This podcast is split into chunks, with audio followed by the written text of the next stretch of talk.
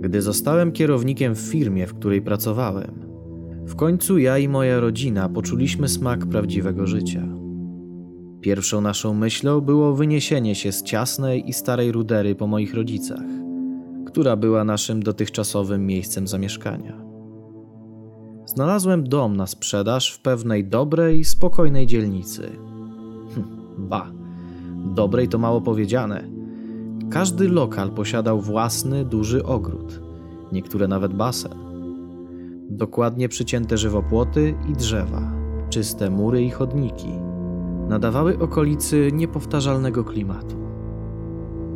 Był tam też plac zabaw dla najmłodszych, który o dziwo nie był zniszczony przez wandali.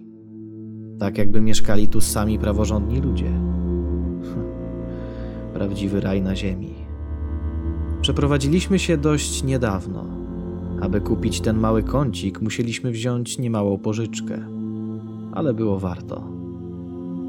Dzieciaki były zachwycone własną piaskownicą w ogrodzie, a my z Susan nie mogliśmy przestać się cieszyć z udanego zakupu.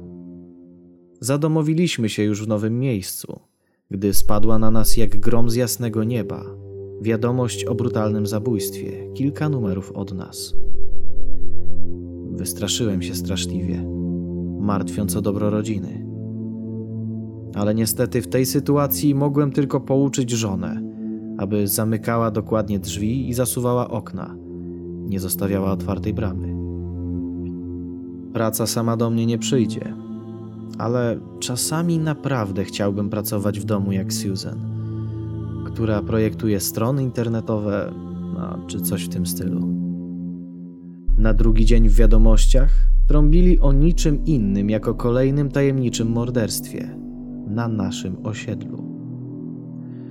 Sprawca zbiegł z miejsca zdarzenia. Nie znają jego tożsamości. Super. Jak mam normalnie funkcjonować, wiedząc, że po ulicy biega seryjny morderca? Więcej nic konkretnego nie było, oprócz kilku wskazówek dotyczących bezpieczeństwa. I wtedy ni stąd, ni zowąd wpadł mi do głowy pomysł. Pojechałem czym prędzej do miasta i kupiłem kilka kamer. Przyznam szczerze, że elektronika zawsze była moją skrytą pasją, więc nie miałem najmniejszego problemu z ich zamontowaniem. Jedna w ogrodzie, jedna przy bramie, reszta w domu. Tak jakoś je ustawiłem, że ogród był cały widoczny. Świetnie. Trochę mi zajęło, ale przed pracą zdążyłem. No cóż. I wydałem może na to pieniądze na czarną godzinę, ale dobro rodziny przede wszystkim. Dzięki temu sprytnemu urządzeniu mogłem obserwować dom, kiedy byłem w pracy i w razie czego wezwać policję. Pochwaliłem w duchu samego siebie, po czym udałem się do biura. Gdy miałem udać się na moje miejsce pracy, mój kolega, który był wielce zafascynowany każdymi, nawet najmniejszymi sprawami kryminalnymi, oznajmił mi o kolejnej ofierze. Paplał o tym, gdzie zginęła, kto ją odnalazł, ale więcej go nie słuchałem, tylko zacząłem martwić się o bliskich. Czym prędzej grzecznie przeprosiłem natręta i udałem się do gabinetu. Gdy tylko połączyłem się z monitorami będącymi w domu, zacząłem przeglądać każde z widoków, ale nie zauważyłem nic nadzwyczajnego. Moja ukochana żona ugotowała obiad, a Diana i Erik bawili się klockami Lego w salonie. Odetchnąłem z ulgą, po czym zabrałem się do pracy. Papierkowa robota doszczętnie mnie zajęła. Jako, że miałem tylko dwa wolne monitory, wybrałem obrazy z zewnątrz. Raz po raz zerkałem, czy wszystko w porządku. Po kilku godzinach zrobiłem sobie przerwę. Wyjąłem kanapki z torby, po czym udałem się z powrotem do biurka.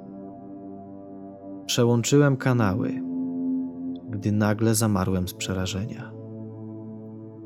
Jakaś postać, prawie że cała czarna, zbliżała się w stronę Susan.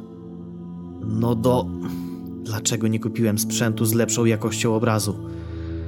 Żona była zajęta robotą przed komputerem, totalnie nieświadoma niebezpieczeństwa. Nie wiedziałem, co mam robić, W nerwowym odruchu wyjąłem telefon z kieszeni. Podejrzany typ popatrzył w obiektyw i uśmiechnął się w przerażający i złowrogi sposób, odsłaniając swe białe zęby. Nigdy nie widziałem człowieka z tak zdrowym uzębieniem, ale zamiast wywołać we mnie krztę podziwu, gest ten doprowadził do tego, że ciarki przeszły mi po całym ciele.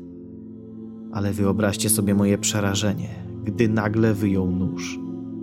Ostrze zalśniło w świetle lampy. Dłużej nie czekając, wybrałem numer do policji i opisałem całe zdarzenie. Mundurowy słuchał mnie z uwagą, po czym wymamrotał kilka słów typu: Zaraz będziemy i czym prędzej się rozłączył. Napastnik, w momencie gdy znowu spojrzałem na obraz z kamery, tak jakby tylko na mnie czekał, podszedł pewnym krokiem i poderżnął gardło mojej ukochanej Susan. Krew poplamiła jej białą bluzeczkę i pokryła szkarłatem puszyste blond włosy. Zacząłem bezradny walić pięścią w stół, wylewając łzy rozpaczy i bólu. Morderca posłał mi kolejną zadowoloną minę i odciął do końca głowę swojej ofiary. Usta otwarły mi się z niedowierzania. Nie, to nie mogło się dziać naprawdę. Otępiały obserwowałem, jak mężczyzna podchodzi do obiektywu i macha uciętą głową tak, że zajmuje ona prawie cały kadr. Wpatrywałem się w jej martwe i przekrwione oczy, na jej piękne czerwone usta, wyrażające niesamowity ból i przerażenie. Krew kapała jej z brody na podłogę. To było dla mnie zbyt wiele. Zwymiotowałem, co w tych okolicznościach było dla mnie wybawieniem. Nie skupiałem się wtedy na ekranie, a na swoim biednym żołądku i palącym uczuciu w ustach. Niestety nie trwało to długo. Przynajmniej tak mi się wydawało. Oprawca jak się pojawił, tak zniknął.